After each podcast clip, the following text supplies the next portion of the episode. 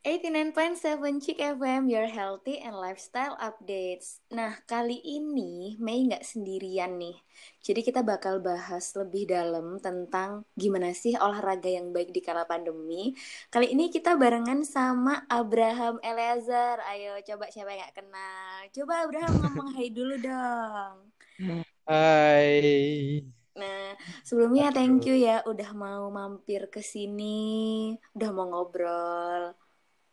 Ya, terima kasih juga udah diundang ke sini. ya jadi uh, gimana nih gimana uh, Abraham kabarnya di kala pandemi kan udah hampir udah setahun ya kita kayak gini. So far aman kah? Ya, puji Tuhan alhamdulillah aman ya. Masih diberikan kesehatan di kondisi seperti ini. Oh, alhamdulillah. Kalau olahraga masih rajin ya berarti ya? Oh iya, selalu. Karena itu kan penting ya buat kita sendiri. Nah, kalau selama pandemi nih, uh, gimana sih kebiasaan olahraga yang berubah dari Abraham? Kan kita jadi nggak bisa keluar, nggak bisa olahraga bareng-bareng, tuh gimana tuh? Ya, kalau olahraga karena pandemi ini kan juga sebenarnya anu ya, banyak terganggunya. Aktivitas nggak kayak biasanya biasanya bisa olahraga basket, futsal bareng teman-teman. Jadi tidak bisa dulu kan. Ya meskipun nih banyak di luar sana udah bisa orang-orang melakukan olahraga itu, cuman pribadi sendiri nggak mau dulu gitu loh karena kan kerumunan. Jadi menghindari itu dulu. Oh, ya, gitu.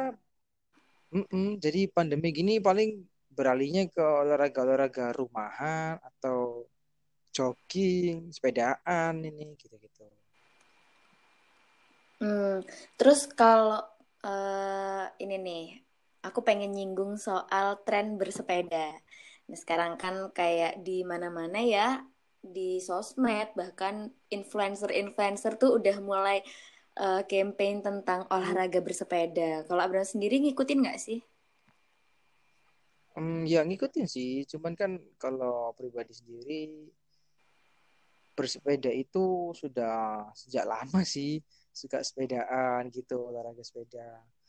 Ya dulu sih bisa sama teman-teman ya kan maksudnya kalau teman-teman kan asik nih. Nah, cuman karena sekarang itu kan juga mengurangi dengan banyak-banyak teman untuk bersepeda ya. Biar inilah setidaknya tetap menjaga protokol lah. Mungkin dua atau tiga teman itu pun juga saya lakuin jarang bersama teman. Nah, gitu, mengurangi resiko lah. Gitu.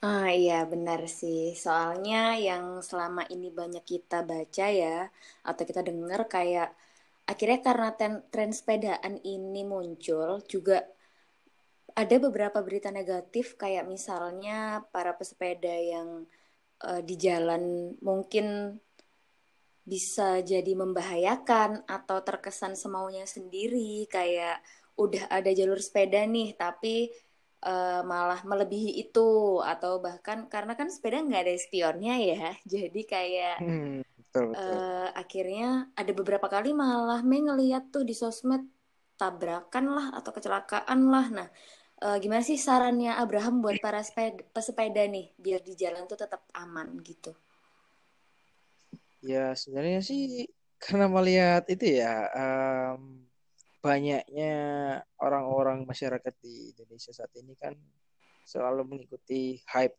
ya yang yang terbaru ya. Bagi kan hype-nya bersepeda itu sejak pandemi sangat tinggi sekali. Jadi ya itu betul ada kayak kurang patuhnya terhadap ini ya jalur khusus sepeda terutama di jalan-jalan besar banyak yang masih um, keluar jalur sehingga kan itu memang meresahkan memang sejujurnya itu juga meresahkan saya ketika saya berkendara. Itu juga merepotkan ya. Dari sisi berkendara kalau misalnya pun bersenggolan yang disalahkan juga pengendara itu juga gitu loh. Padahal yang secara mata itu kan yang salah sebenarnya persepedanya kalau tidak mematuhi aturan ya di luar jalur khusus sepeda. Mm -mm. Nah, sebenarnya sih harusnya ya saran saya buat peng, pesepeda pesepeda yang saat ini itu ya tetap patuhin lah gitu loh hargai juga hak-hak pengendara lainnya jadi tetap gunakan jalur yang semestinya dan kalau bisa itu jangan bersebelahan gitu meskipun sama temen namanya bersepeda ya sepeda aja nggak usah ngomong-ngomong gitu. Kalau ngomong ya berhenti aja dulu terus duduk-duduk ngomong-ngomong gitu loh. Jangan bersepeda sambil ngomong-ngomong gitu. Ah gitu. Jadi kan banyak kalau kalau kita lihat ini kan banyak yang bersepeda sebelahan. Nah itu kan sebenarnya juga uh, memakan ruang jalan toh itu termasuk. Nah itu kan membahayakan pengendara lainnya, pengguna jalan lainnya, termasuk membahayakan dirinya sendiri.